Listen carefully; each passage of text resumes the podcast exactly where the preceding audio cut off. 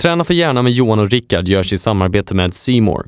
Simor är en streamingtjänst för sport, film, serier och barninnehåll. Just nu kan du prova på Simor kostnadsfritt i hela två veckor. Surfa in på simor.se och skaffa ett konto du också. En podcast. Det känns som att sitta i en bastu med er här inne. Ja, det är Fast bara... med kläderna på. Ja. Det börjar bra det här. Bastupodden kanske det blir. Bastupodden. Vad händer? Det börjar med Träna för hjärnan, avslutar med Bastupodden.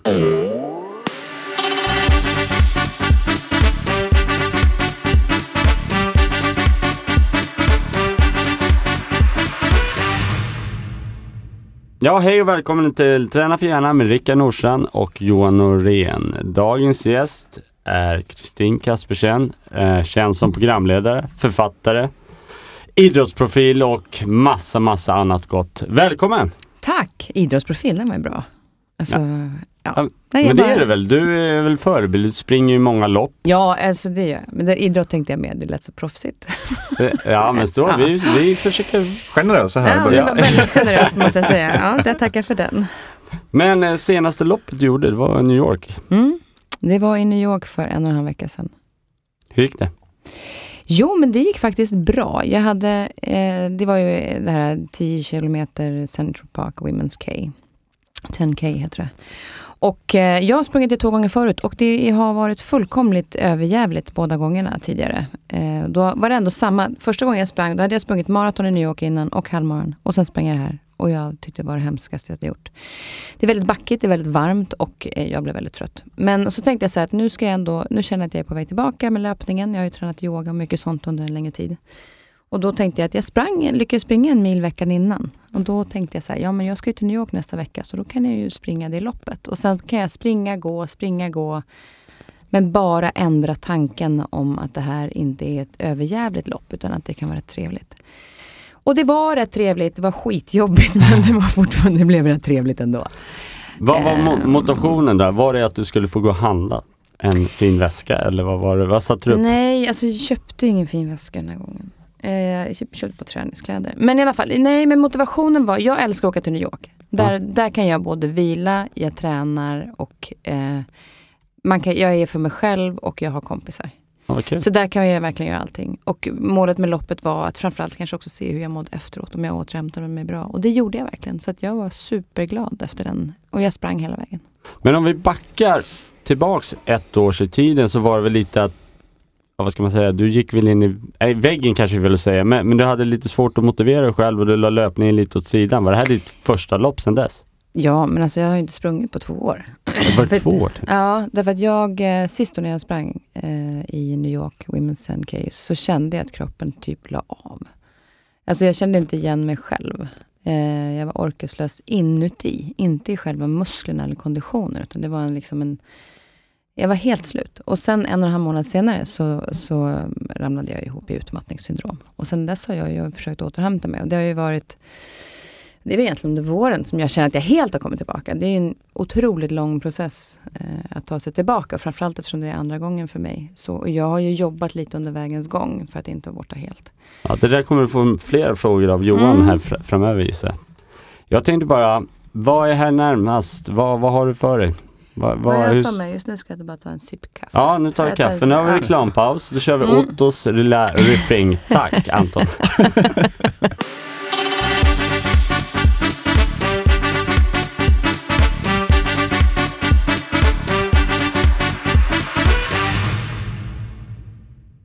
Men när var det? För jag vet, jag vet att jag, eh, jag, var, jag gick på stan vet jag och såg på löpsedeln Kristin Kaspersen utbränd stod det med stora rubriker.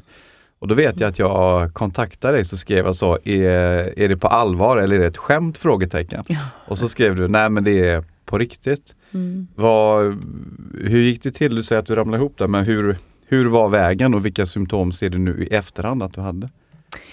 Nej, men alltså grejen är med att det där var andra gången. Första gången det hände så var det ju samma med att jag hade tvar. Nu låter det som att jag är sjuk typ hela tiden. Det är jag verkligen inte. Men då hade jag ju tvar och då sov jag ju ingenting. Och jobbade samtidigt med Nyhetsmorgon. Och det ledde ju till att jag inte orkade då. Och då, eh, och då i och med att det blev andra gången nu så trodde jag ju först att det var typ så att tvaren kan ju ibland smyga sig på ibland om man en gång har haft det. Och det påminner väldigt mycket om varandra i den här orkeslösheten. Så jag trodde nog mer att det var att jag hade fått tillbaka tvaren i början. Eller jag tror jag liksom ursäktade mig lite med det. Eh, men jag var ju eh, supertrött, eh, blir okänslig, ganska kall. Min son tar, sa till slut till mig, så, mamma du är ju aldrig glad. Nu får du sluta. Du är bara sur hela tiden. Och jag, det är det bästa han kunde säga. Jag blev knäpptyst och bara tänkte, vad fasiken är han säger? Och då insåg jag att jag tyckte ingenting var kul. Jag, jag, jag liksom grät ingenting. Jag som har superlätt till tårar. Enda gången under våren, det var när Jonas Björkman gick vidare i Let's Dance. Då blev jag väldigt rörd och glad. Mm. Så här, och då var det så här, wow, mamma har tårar i ögonen. Mm. och jag bara, sluta. Så det var det som jag märkte framförallt. Att jag hade liksom inga känslor på det sättet. Och sen var jag ju helt slut på jobbet. Svettningar, glömde bort var man ställer bil. Alltså alla de där grejerna som är så otroligt vanligt. Men, men ska, men vi, ska vi som... tala om de här som är så otroligt vanligt? För oavsett, upprepning är, är ju, är ju bra mm. med tanke på att jag tror man kanske inte riktigt förstår vad de här klassiska sakerna är. Eh, exempel att bara tappa bort sin bil på parkeringen. Att det är, man skämtar kanske bort en sån sak. Ja. Men vilka hade du symptom som du ser nu efterhand som vi kan hjälpa andra med? Att om de ser dem och förstår, för man förstår ju inte vad det kan leda till om man inte varit med om det själv. Nej. Det förstår man ju först efteråt. Mm.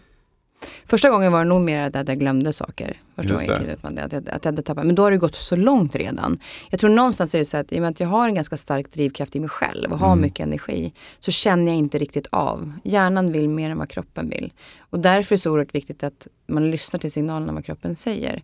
Men ett, jag kunde inte somna på kvällarna. Eh, vilket jag normalt alltid gör jättelätt. Eh, låg och snurrade och tänkte, vad fasken, vad fånig jag är. Kom igen nu, sov då. Och så bara snurrade Jag hade, alltså så att jag var varm i bröstet. Så att det, jag brukar säga att det är som eh, som en liten sån här altom som, som gnistrar in i bröstet. Fast den var liksom högaktiv eh, i sin värme och energi. Och sen att jag glömde saker och sen att jag inte tyckte någonting var roligt. Eh, glömde väldigt ofta eh, saker till nästa, alltså hela tiden så fick jag så påminna mig själv och jag är ju rätt glömsk ändå så jag har alltid liksom kalendern.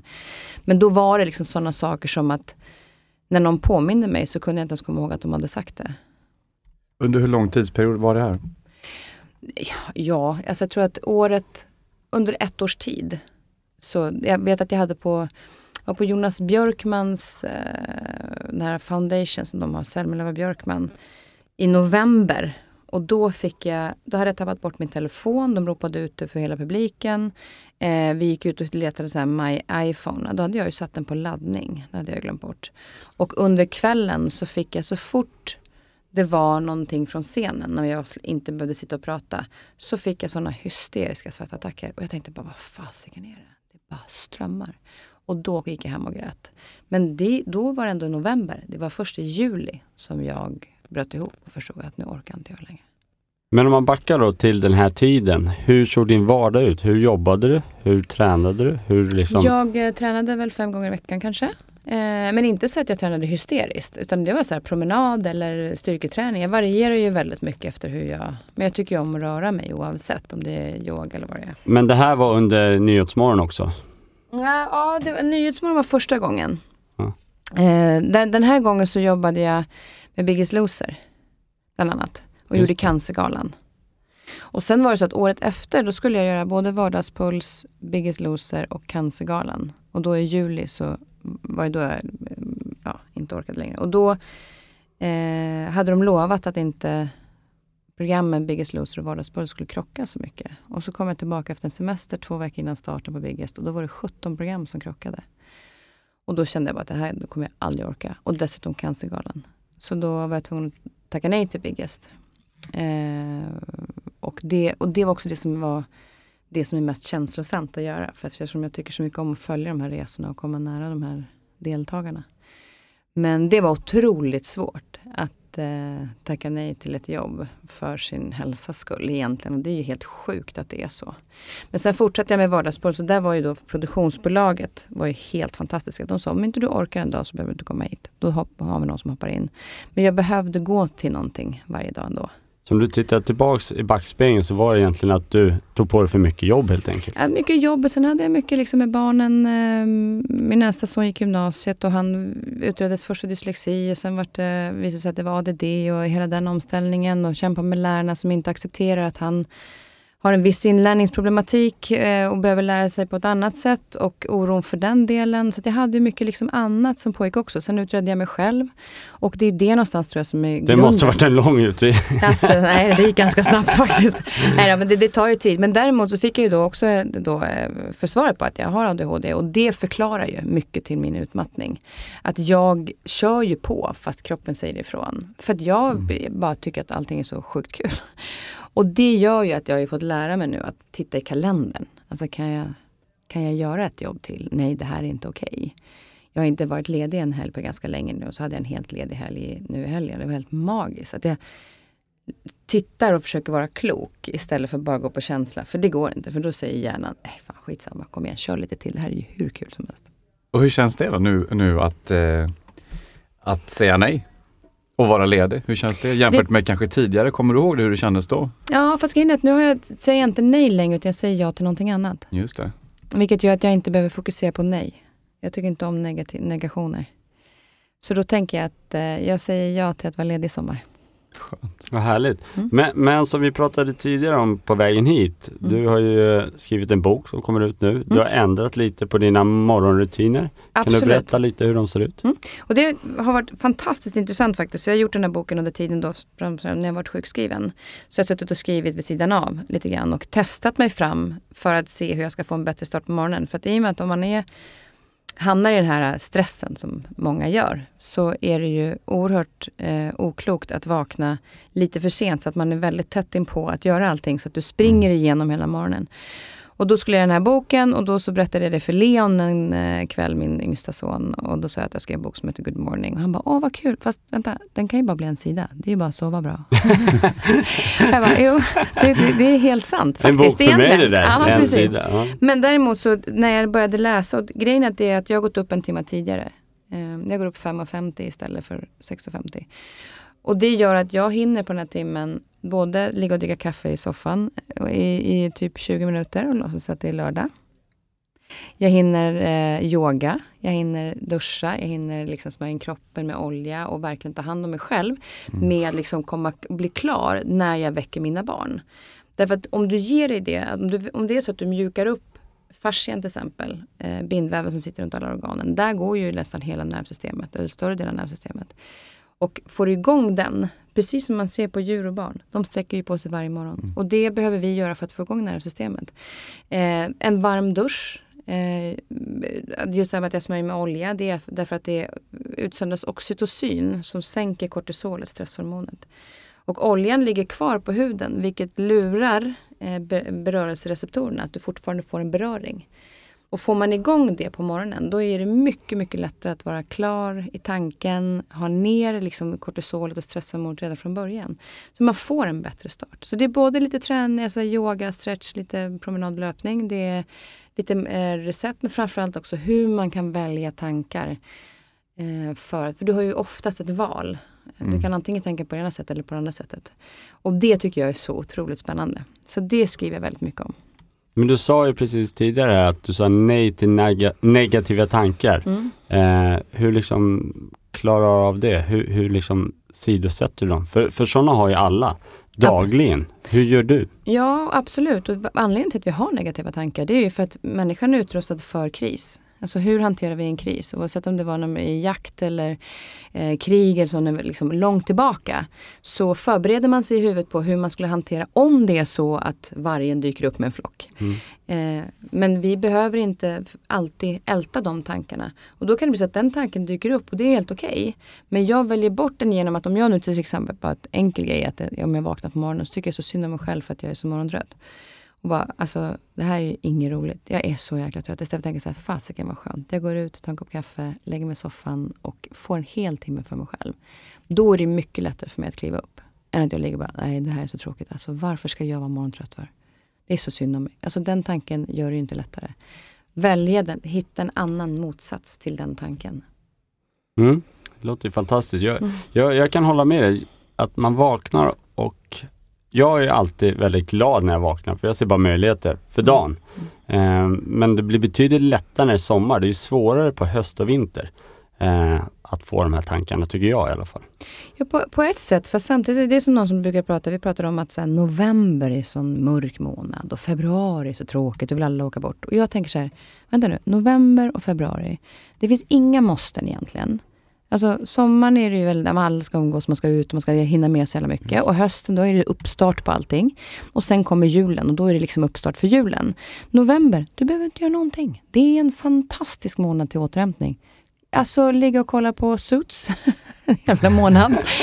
Eh, tända ljus, det är okej okay att inte göra någonting. Februari lika så. Det är liksom januari har gått, man har kommit tillbaka efter julen. I mars börjar ju solen titta fram. Låt den här korta månaden vara. Att vi kan få två månader av återhämtning av tolv är väl magiskt? Då är vi ju superladdade för våren. Så det är ju så här, det handlar om att välja, istället för att tänka att det är grått och trist, tänka att gud vad skönt att kunna tända ljus och bara få titta på film. Hur börjar man då? För du, om man tittar tillbaks i ditt liv, vad jag har läst mig till i alla fall, så har du gjort väldigt många saker, olika saker. Mm. Tänkte du likadant då? Eller när kom de här tankarna om val och mentalt och eh, hur man kan träna sig själv och att bara vara? Men jag tror att jag nog alltid har varit eh, en tänkare och velat lösa. Om det, är, om det dyker upp ett problem, så ser inte jag det som ett hinder. Utan då är det så okej, okay, men hur ska jag lösa det här då? Eh, och det tror jag, så har jag varit sedan jag var liten. Eh, och det tror jag att jag har den här drivkraften jag har. Mycket att tacka liksom, ADHD-delen för. Men sen blev det också att jag, jag var för flera år sedan på eh, föreläsningsturné med en coach som heter Jonna Söderberg. Och hon, eh, där pratar vi väldigt mycket om att välja tankar. Alltså man kommer för sent till bussen och man blir irriterad och jävla skit nu, då åker den iväg och busschauffören bara såg mig inte ens. Istället för så här att, ja fast nu kommer jag igång, jag ringer till jobbet, de får, de får sätta på kaffet och så kommer jag dit så kan jag lösa några mejl i bussen. Chilla. Alltså det handlar ju om att träna på de här små sakerna. Och då blev det att jag började titta på flera saker som var så här, egentligen ganska banala, men det är ganska kul att så här, testa att välja en annan tanke. Mm. Men sen, och det är ju för att jag är nyfiken på livet tror jag. Många kanske stöter på någonting och tänker, ja, ja men så var det, och så går de vidare. Medan jag är lite så här, ja, vad spännande, vad händer i kroppen? Varför känner jag en behaglig känsla när jag sätter mig i solen och känner värmen? Det måste ju hända någonting i kroppen som gör att jag får den känslan. Och det var då jag hittade det här med oxytocinet som utsöndras av värme, beröring, tryck eh, och dofter till exempel. Och då blir jag ju nyfiken. Då är inte jag så här, ah, okej, okay, det är oxytocin, utan då vill jag veta mer. Vad kan jag göra? Kan jag utsöndra det själv? Kan jag påverka det på något sätt? Och hur kan jag göra det mer? Då jag är ju rent nyfiken tror jag. Det är väl det som gör det. Mm. Hur, hur, eh, hur, känner du dig själv då? För, för förut så sprang du eller joggade mm. månader väldigt mycket. Nu har du liksom ändrat om och kör yogan. Kan du liksom se att du får en annan start på dagen, att du blir mer kreativ eller att du blir liksom lugnare, du kan hantera liksom problem på ett annat sätt genom yogan än löpningen? Alltså ser du någon skillnad? Då, Nej, tränings... inte på det sättet. Eh, jag tror att det handlar bara om att jag, jag är alltid i rörelse. Sen får träningsformen eh, väljas beroende på vad jag är i form. Alltså vilket typ, om jag är väldigt mycket hyperaktivitet så kanske jag inte ska liksom gå på spinningpass på lunchen. För jag är redan så jädra igång. Jag behöver, min utmaning är ju yogan. Mm. Jag behöver ju komma ner. Alltså jag tycker att det är så jobbigt med yoga. Alltså för mina tankar de studsar hela tiden. Så att jag, där får jag verkligen jobba. Löpning eller thaiboxning eller det här, mm. liksom, det tycker jag bara, det är bara att köra. Det är ju hur kul som helst. Men det är en helt annan grej. Att när jag testade restorative till exempel yoga, det var ju så här sex minuter ligga i samma ställning. Man bara, och jag ska inte tänka på någonting. Hallå. Alltså jag var ju sådär. Så antingen somnade jag eller så låg jag bara och funderade på massa olika saker. Så det, det, har, det har ju varit en utmaning för mig. Att balansera min aktivitet med att hitta ett lugn. Och kan jag börja dagen med yoga eller ta det passet på dagen. Det är inte att jag yogar hela tiden. Jag gör en kvart på morgonen för att väcka kroppen och komma ner i liksom jag har det här lugnet. Sen springer jag ju eller tränar kår eller gör massa andra saker också. Vad tycker du där då? För att om man tittar på personligheter där man väljer att kalla sig själv att man är väldigt prestationsinriktad, om det är mm. så i karriär och inom idrott. Um, och så tittar vi på återhämtning och i återhämtning så väljer man att kalla det för träning. Och då skapar man en ny marknad för i den träningen som kallas för återhämtning ska man ha prestation. Så man ska jaga tider och jaga viktmål och man ska upp och ner och allt möjligt. Om jag säger prestationsfri träning, återhämtning, vad tänker du på då? Jag tror att det där ligger mest hos sig själv oavsett vilken träning det handlar om. Men jag tror, eh, nu kommer jag få hela nu kommer jag få Gustav Fridolin på mig, honom har jag redan varit i kontakt med i och för sig. Men, men jag tror att hela den här prestationsinriktningen kommer från skolan. Därför att vi får bara belöning när vi presterar. Mm. Vi får aldrig belöning för den vi är. Och det tror jag är det största problemet. Därför att om du frågar en klass innan de börjar skolan, så här, vem kan rita? Då räcker alla upp, jag är jätteduktig, jag kan det här. Frågar du en klass som går ut gymnasiet om vem som kan rita, så är det så här, ja kanske, kanske någon säger, ja, lite ödmjukt, jag Mm. kan. Där, vilket gör att när vi går ut i arbetslivet så handlar allting om prestation. Inte bara det, utan även vår träning. Vi ska bara prestera, vi ska kunna visa att vi har klarat av det. Vi lägger ut på Facebook att jag sprang på den här tiden. Och hela tiden lägger man en press. Istället för att säga, hur viktigt är det för mig att prestera och vad är min prestation? Mm. Är min prestation att ta mig runt New York? Den här rundan. Jag kan gå. Jag kan klara av att gå en mil. And I couldn't care less. Men orkar jag springa så är det kul. För då har jag kommit en bit på väg.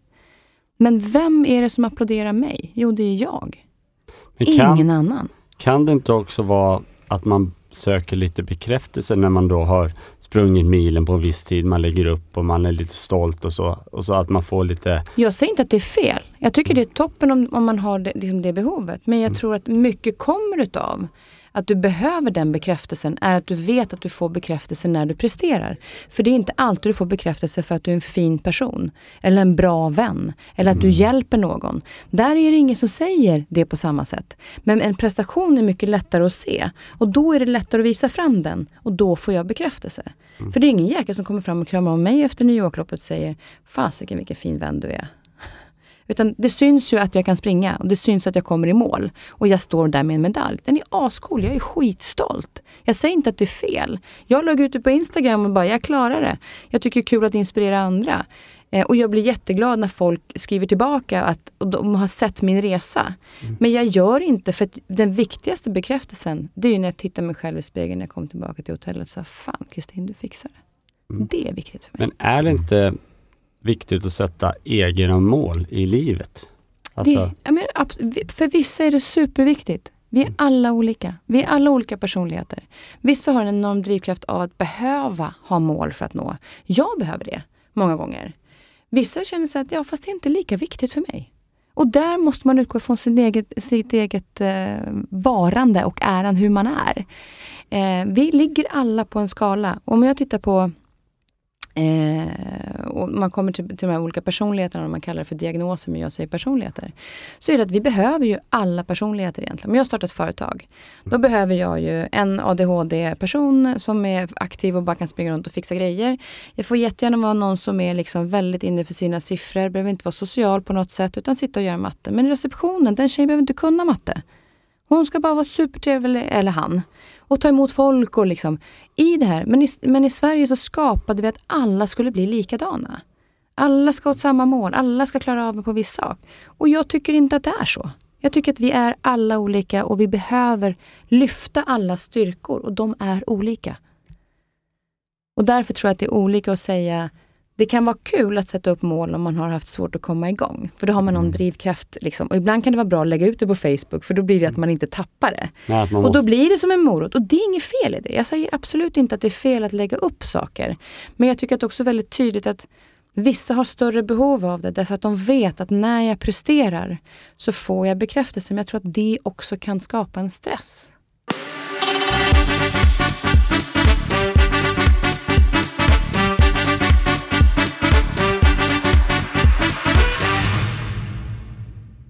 Om man tittar på det med stress då, som, som har en tendens att komma ifrån press, att man pressar sig åt något håll. Ehm, och där kanske också diffen mellan förmåga och inre och yttre krav bildar en stress. Hur kan man skapa en, en mer, kanske för sig själv, och prestationsfri miljö? Oavsett egentligen vilken träningsform man väljer eller liksom vilka forum man väljer. Att bara vara utan prestation. Det vill säga att feedbacken blir bra eller dålig utan feedbacken bara är ifrån sig själv. Det tror jag nog handlar väldigt mycket om att veta var man själv står och vad man själv är. inte utgå från vad alla andra tycker och tänker. Och anta vad andra alla tycker och tänker. För många gånger så tror vi att folk tycker och tänker om oss. Folk tror att jag springer fem dagar i veckan. Jag har sprungit en gång i den här veckan. Det var någon som skrev, spring inte så ofta, det här är inte bra för dig. Jag bara, men jag har sprungit en gång i den här veckan.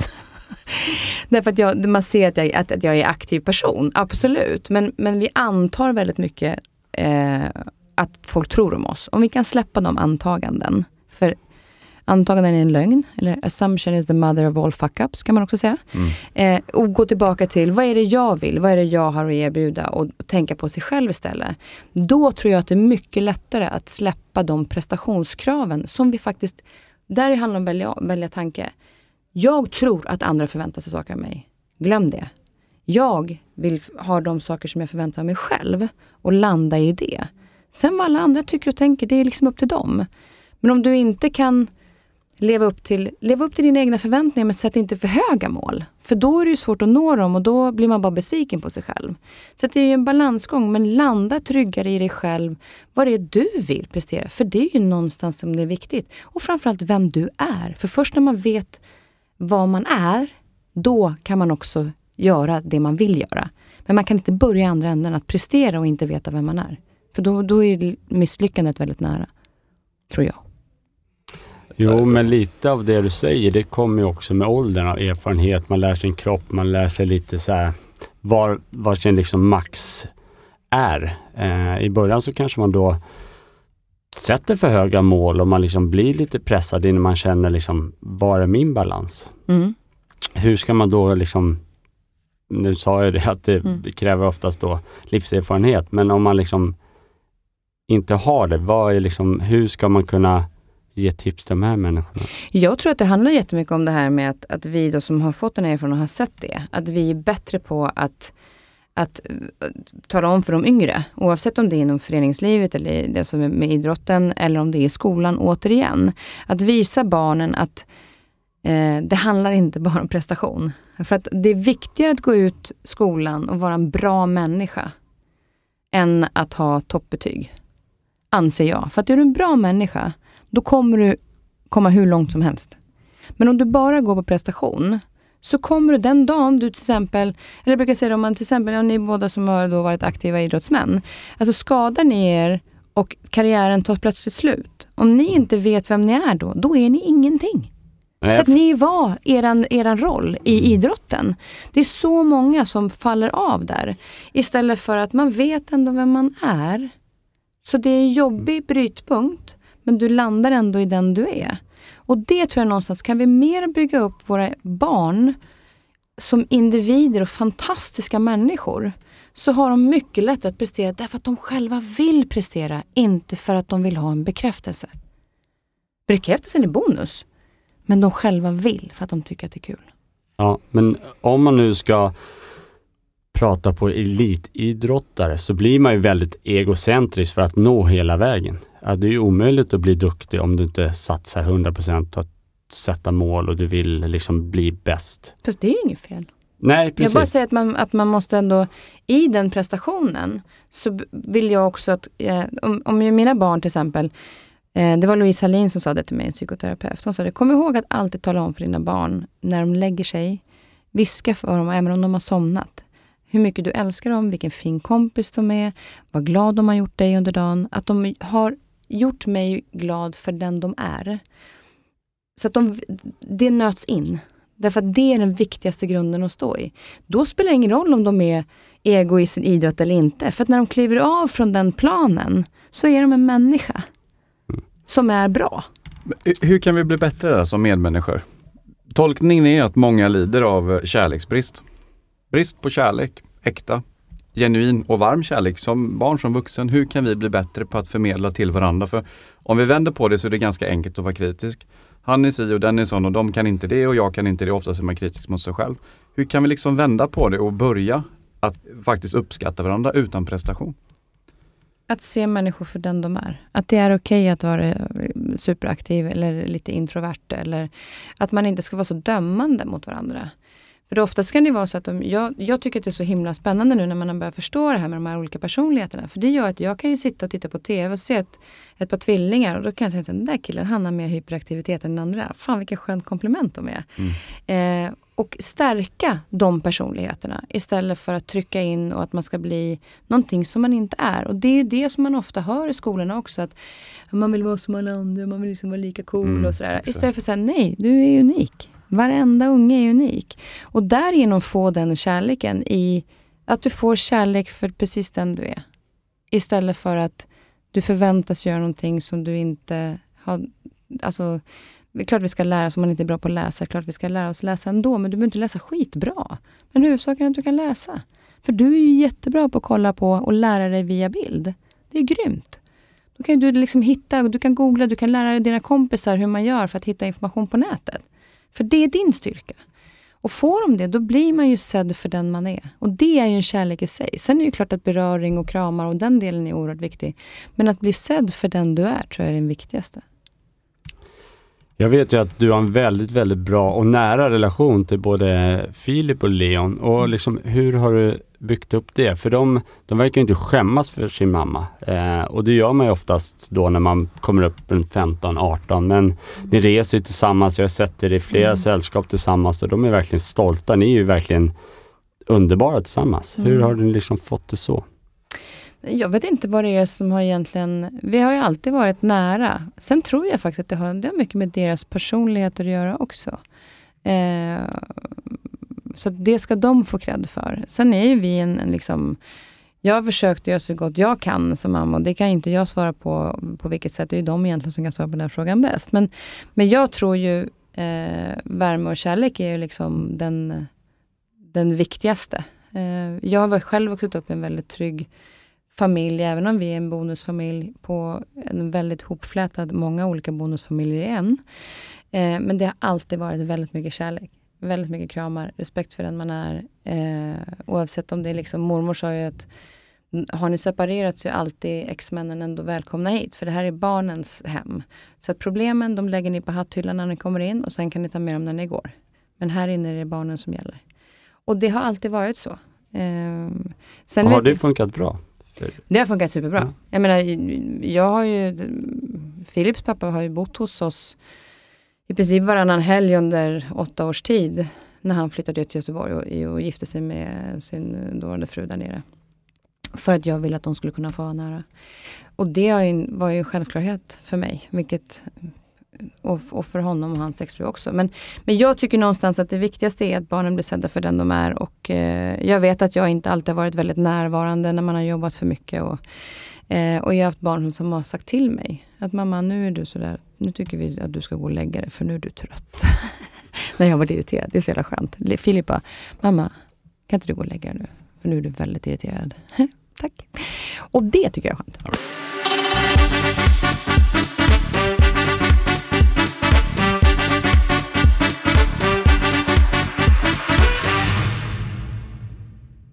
Om man hör ordet träning och känner press och krav, hur tror du att man kan göra exempel nu ordet fysisk träning mindre kravfyllt och mer lustfyllt? Nej, men jag tror att det inte jämförs med andra, utan utgår från sig själv. Jag tror vi alldeles för många gånger tänker så här, ah, min kompis hon springer en timme, då ska jag också springa en timme. Fast jag orkar bara springa 20 minuter. Ja men spring bara 20 minuter och tyck att det är lite härligt och känn dig lite duktig. Och sen så nästa gång så springer jag. När jag började springa, efter jag var gravid första gången. Jag gick upp 30 kilo, det var inte bara vatten. Utan var... eh, och det gick inte ner så jättemycket heller under tiden jag ammade, som alla sa att man skulle göra. Så då började jag springa, för det var svårt att gå på pass, alltså med tider och så, eftersom man hade barn. Då började jag springa och då sprang jag 10 minuter och så gick jag 10 minuter och så sprang jag 10 minuter. Och så sa jag till folk att Nej, men jag har varit ute en halvtimme. Eh, och då i början så sa jag att jag småjoggat en halvtimme. För jag ville göra min resa själv, inte säga hur gör du? Och sen blev det att jag sprang en kvart, gick fem minuter och sprang en kvart. Och så, så ökade jag på det sättet. För min granne hon sprang en timme och hade, jag testade ändå en gång, men jag, jag kan springa 40 minuter i alla fall. Jag höll på att fan kräkas. Då var det ju inget roligt alls. Men i och med att jag började med de här kortare, då blev det ju, fasiken det här var ju härligt, vad skönt jag mår efteråt. Men jag springer en gång till i veckan istället. Istället för två gånger så springer jag tre. Och sen ökade jag istället då för att springa 10 minuter och sprang en kvart. Och sen blev det att jag sprang en halvtimme i ett streck i lugn och ro, på mitt eget sätt och inte jämförde mig med någon annan. Och jag dansade ju när jag var yngre. Jag tyckte det var skönt att hålla igång i tre minuter och vila sen. Så för mig var ju så här, springa länge, det var ju bara, fanns ju inte. Och sen sprang jag ett maraton. En, en fråga då som kanske kommer röra om där ute, men jag ställer den ändå. Mm. Du är ju ensamstående, du har två barn och det är ofta en ursäkt som man har att man då inte hinner träna. Eh, du kanske också har hört den. Men eh, mm. hur får du till din träning och vad säger du till dem som säger det? Jag förstår att de känner så. Därför att det är, som förälder så lägger du all energi på dina barn. Eh, för det är det viktigaste i livet. Och där tror jag att det är väldigt viktigt att också tänka om. För barnen är det viktigaste, fast näst viktigaste egentligen. För finns inte du, så orkar du inte ta hand om dina barn. Eh, och eh, det var en tjej som frågade mig efter en föreläsning för ett tag sedan, så sa hon att jag har precis liksom, jag alltid älskat att träna och, och kommer liksom inte tillbaka efter jag fått barn. Och jag, har två jag vet inte när jag ska få den här tiden. Och då sa hon, de vaknar klockan fem på morgonen, jag orkar inte gå upp klockan fyra. Och då så sa jag det, att men när barnen vilar så kan du vila istället för att dammsuga. Men om man tar tio minuter på morgonen, tio minuter vid lunchen och tio minuter på vägen hem och gå i snabb takt. Till exempel, att börja där, att medvetet välja de tio minuterna. Då har du fått en halvtimme på en dag. Och ganska snabbt så har du kommit upp kanske i en kvart. Och räknar du ut det på en vecka, så har du plötsligt fått ett par, några timmar själv. Så att börjar man att liksom bestämma sig för och inte ta den här, jag måste ha en hel timme. Jag vill gå och träna pass också, för nu är jag faktiskt trött. Jag har varit ensam mamma nu så länge, nu är det min tur. Istället för att sätta de stora målen, att, att ta en hel timme, för det blir ganska rörigt i början, så handlar det om att hitta de här små tiderna. Att när det är lunch, så se till att, att om det finns någon som har en halvtimme lunch på jobbet, så ett, gå till er chef och säg fel. Eh, en timme ska man ha. Eh, Plus friskvårdstimme. Exakt. Men då kan man ju käka då, för man käkar ju oftast på en halvtimme eller 40 minuter. Då kan man ta en promenad i 20 minuter. Och gör den. Därför att den gör, det finns ju ingen som säger, jag har börjat röra på mig och jag mår så dåligt. Utan vi mår ju bara bra av mm. rörelse. Så där tror jag att de som inte har den tiden, som har mycket med småbarn och så vidare att göra. Och också vara liksom aktiv när barnen är runt omkring. Alltså du kan ta på dig yogakläderna och medan barnen sitter och, och, kollar på TV så kan du göra kvartsyoga kvarts yoga vid sidan av och de klättrar på dig och det gör ingenting. Du behöver inte välja antingen eller. Det är superhärligt att ha de här ungarna som börjar klättra. Mamma kom och titta på min teckning och så står man där i uppåtgående hund. Eller, alltså det, det, det, finns ju liksom inte, man måste inte alltid välja. Om det inte går att välja så kan man göra det tillsammans. Det är ju superhärligt när plötsligt ungarna står i en uppåtgående hund. Det är ju grymt.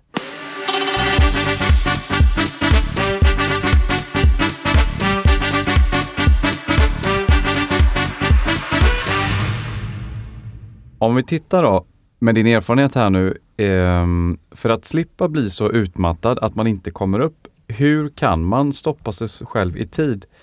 För du nämner ju ett par symptom, glömma bort eh, eh, mobilen och glömma bort sina nycklar och bilen på parkeringen och svettningar och domningar och huvudvärk.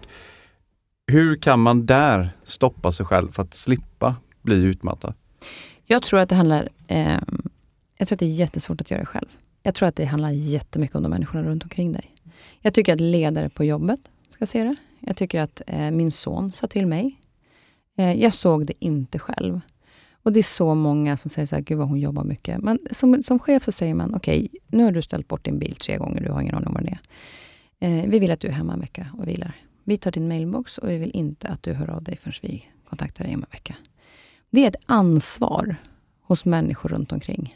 Därför att när du är mitt uppe i, och är du en presterare dessutom, så säger de, nej, nej, nej, men jag kan svara på mig, det är ingen fara. Ja, jag vet.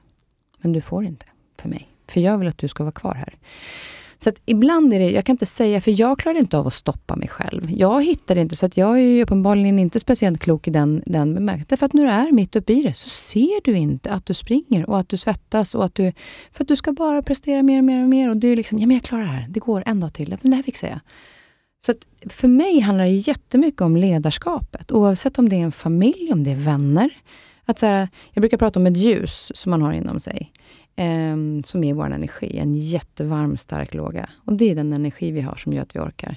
När vi springer fram och tillbaka, andas hit och dit och det är allting är så stressigt, då börjar lågan fladdra och till slut blåser den ut.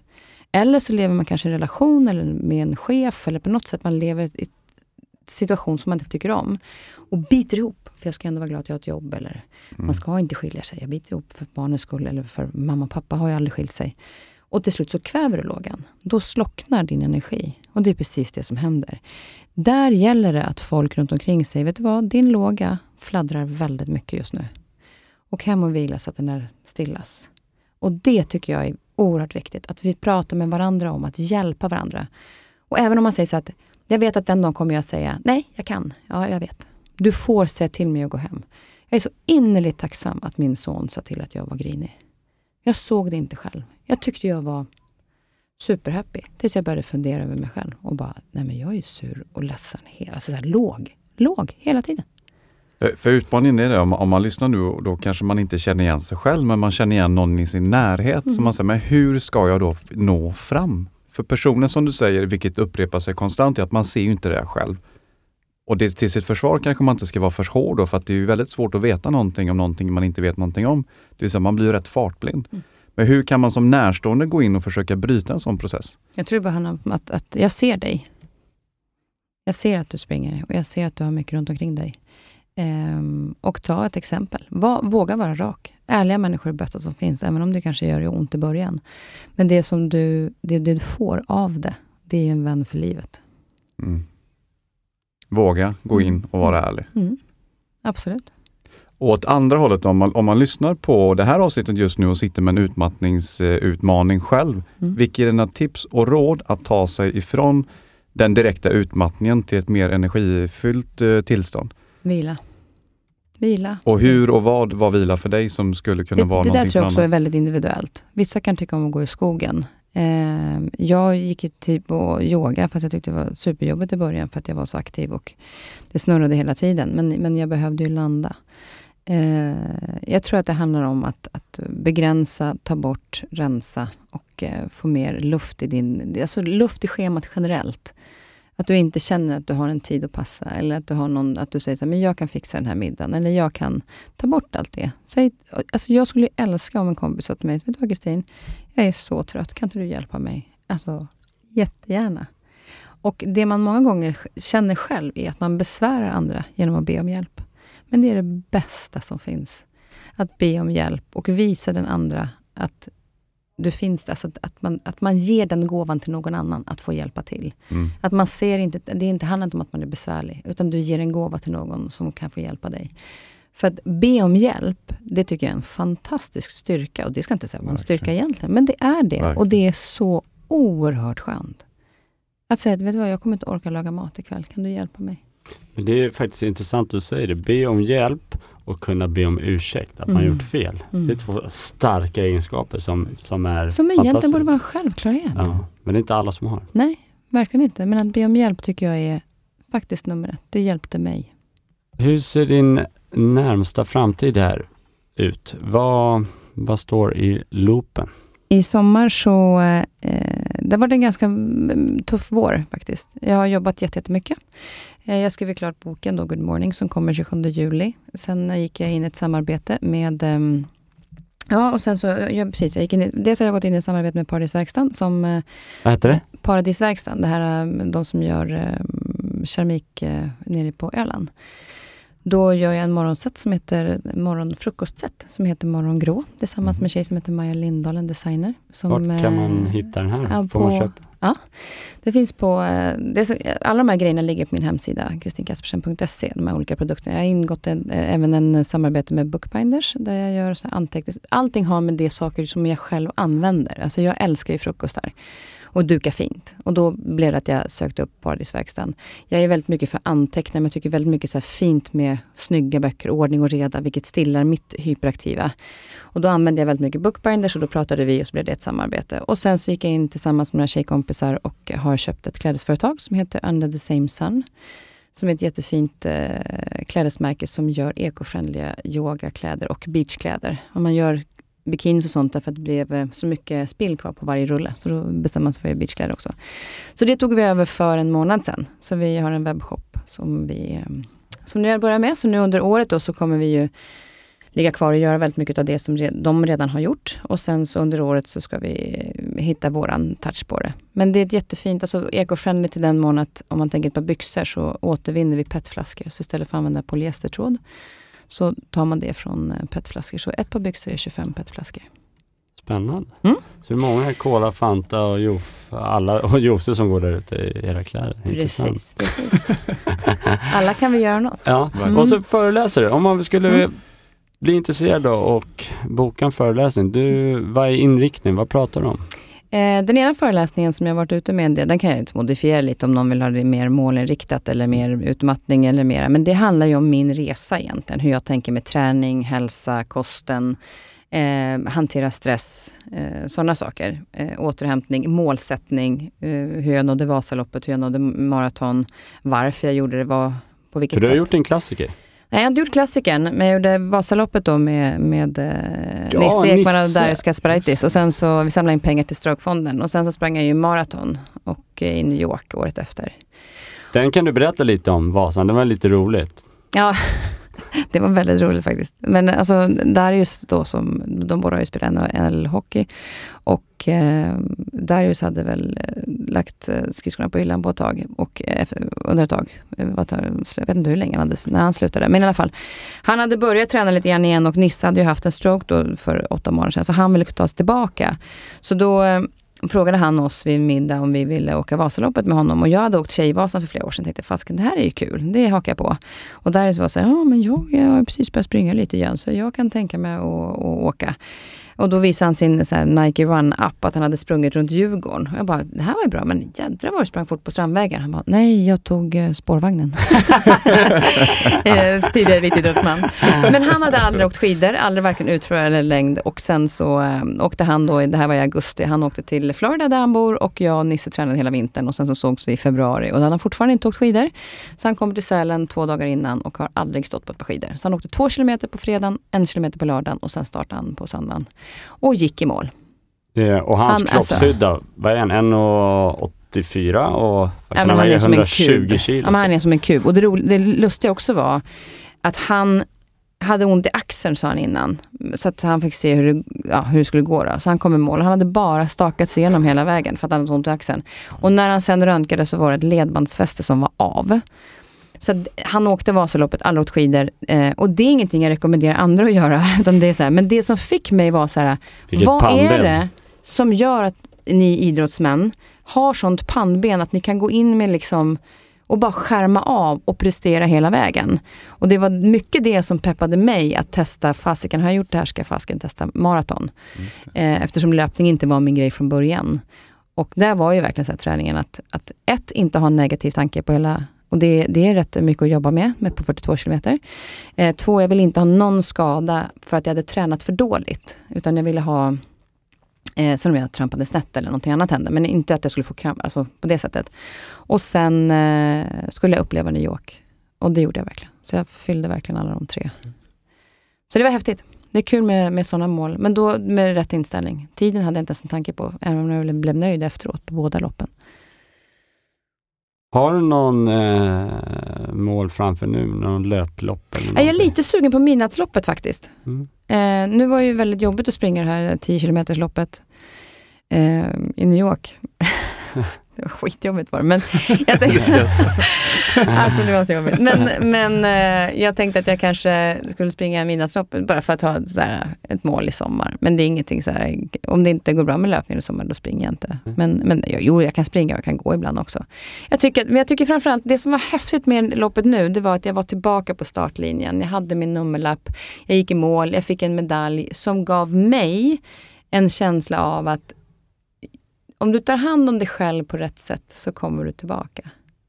Och det fick jag verkligen ett kvitto på. För det har varit krävts enormt tålamod. Mm. Och jag har varit skitsur ibland för att jag inte kan springa. Ibland har jag tänkt, jag kommer aldrig springa mer. Spring ni, jag har ingen ork. Ni får göra vad ni vill. Jag ligger här och om. Men i och med att jag har, har och tack vare att jag har tänkt på det sättet och har hittat mitt eget sätt att, och lyssnat så väl till kroppen ehm, och inte haft för bråttom så eh, gick jag i mål. Och det är jag sjukt stolt över.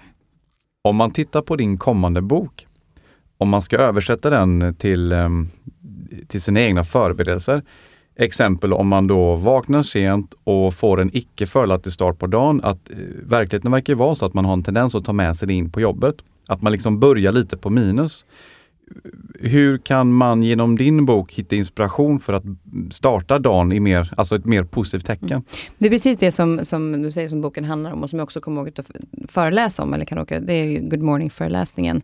Och det är ju det att när du börjar dagen på minus så går ju hela dagen igenom i stress. Du ligger ju liksom hela tiden tio minuter efter. Men om du kommer upp tidigare på morgonen eller planerar bättre kvällen innan och jag kanske vet att jag ska iväg och, och Eh, det kanske blir en, liksom, vi vet att det är mycket på morgonen för att ungarna ska iväg och allt det där. Och jag kanske inte alltid är jättehungrig på morgonen. Så då kan jag göra en, en overnight oatmeal i en burk. Så tar jag med mig den och så käkar jag sen när jag känner att jag har landat i lugn och ro. Jag behöver inte trycka in allting. Det, alltså, det handlar om planering på kvällen, gå upp lite tidigare, ge dig själv den stunden att du är klar innan du väcker barnen. Mm. Därför att då har du någonstans landat i ett lugn. För vi får ett tillskott på kortisol precis när vi vaknar. För att, liksom, för att vakna till. Och det behöver man sänka ner. Och därigenom, får man den lilla extra tiden så, så kommer du in på jobbet och är klarare i tanken. Du har inte samma stress med dig in. Så det, det, är en grej som jag nu kommer att börja göra. Att jag kan åka ut på företag, och, eller med, för andra också, och föreläsa om just det här. Vad innebär det att faktiskt börja dagen på ett bättre sätt? För du är ju massmedial på tv och stora galor. Om man har en dröm om att prata inför folk, exempel hålla tal här nu i sommar eller stå på scen, men man är rädd för att göra bort sig eller man liksom inte är bekväm att stå och prata inför folk. Mm. Vilka är dina tips och råd på hur man kan börja träna upp sig själv för att känna sig bekväm på scenen? Um, och scenen kan ju vara liksom en, en, en mindre scen med kanske kan tio tycka, åhörare eller fem åhörare. Jag kan tycka åhörare. att det är värre att hålla tal för 30 personer som jag känner än att, än att stå på en idrottsgala inför 8000 pers i Globen och 2,5 miljoner tittare. Typ. Det tycker jag är lättare. Men jag, det här har jag jobbat med sedan 91, så för mig är det ju där är jag ju snarare trygg. Jag tror det viktigaste någonstans är, och det som fick mig att liksom släppa nervositeten på det sättet, sen är jag alltid nervös inför en sändning för att man ska vara liksom fokuserad. Men det är ju att, att um, om jag inte på, kommer på vad jag ska säga, så ta en liten paus. För det är en konstpaus, som jag gjorde nu. Just det. vi, eh, att, att är, man, är man nervös, är man rädd för, säger man fel, så är det så här, ja, vad skönt. Människa också. Det är därför jag har varit mm. tyst nu en kvart. Jävla konstpaus. Nej, vi är sjukt tacksamma att du tog dig tid och kom hit och eh, du har ju ett hjärta av guld eh, till dina nära kära, kära mm. och nej, får vi en jättekram. Tack snälla Kristin. Tack, tack, för att jag fick komma hit. Bra att ni gör den här podden tycker jag.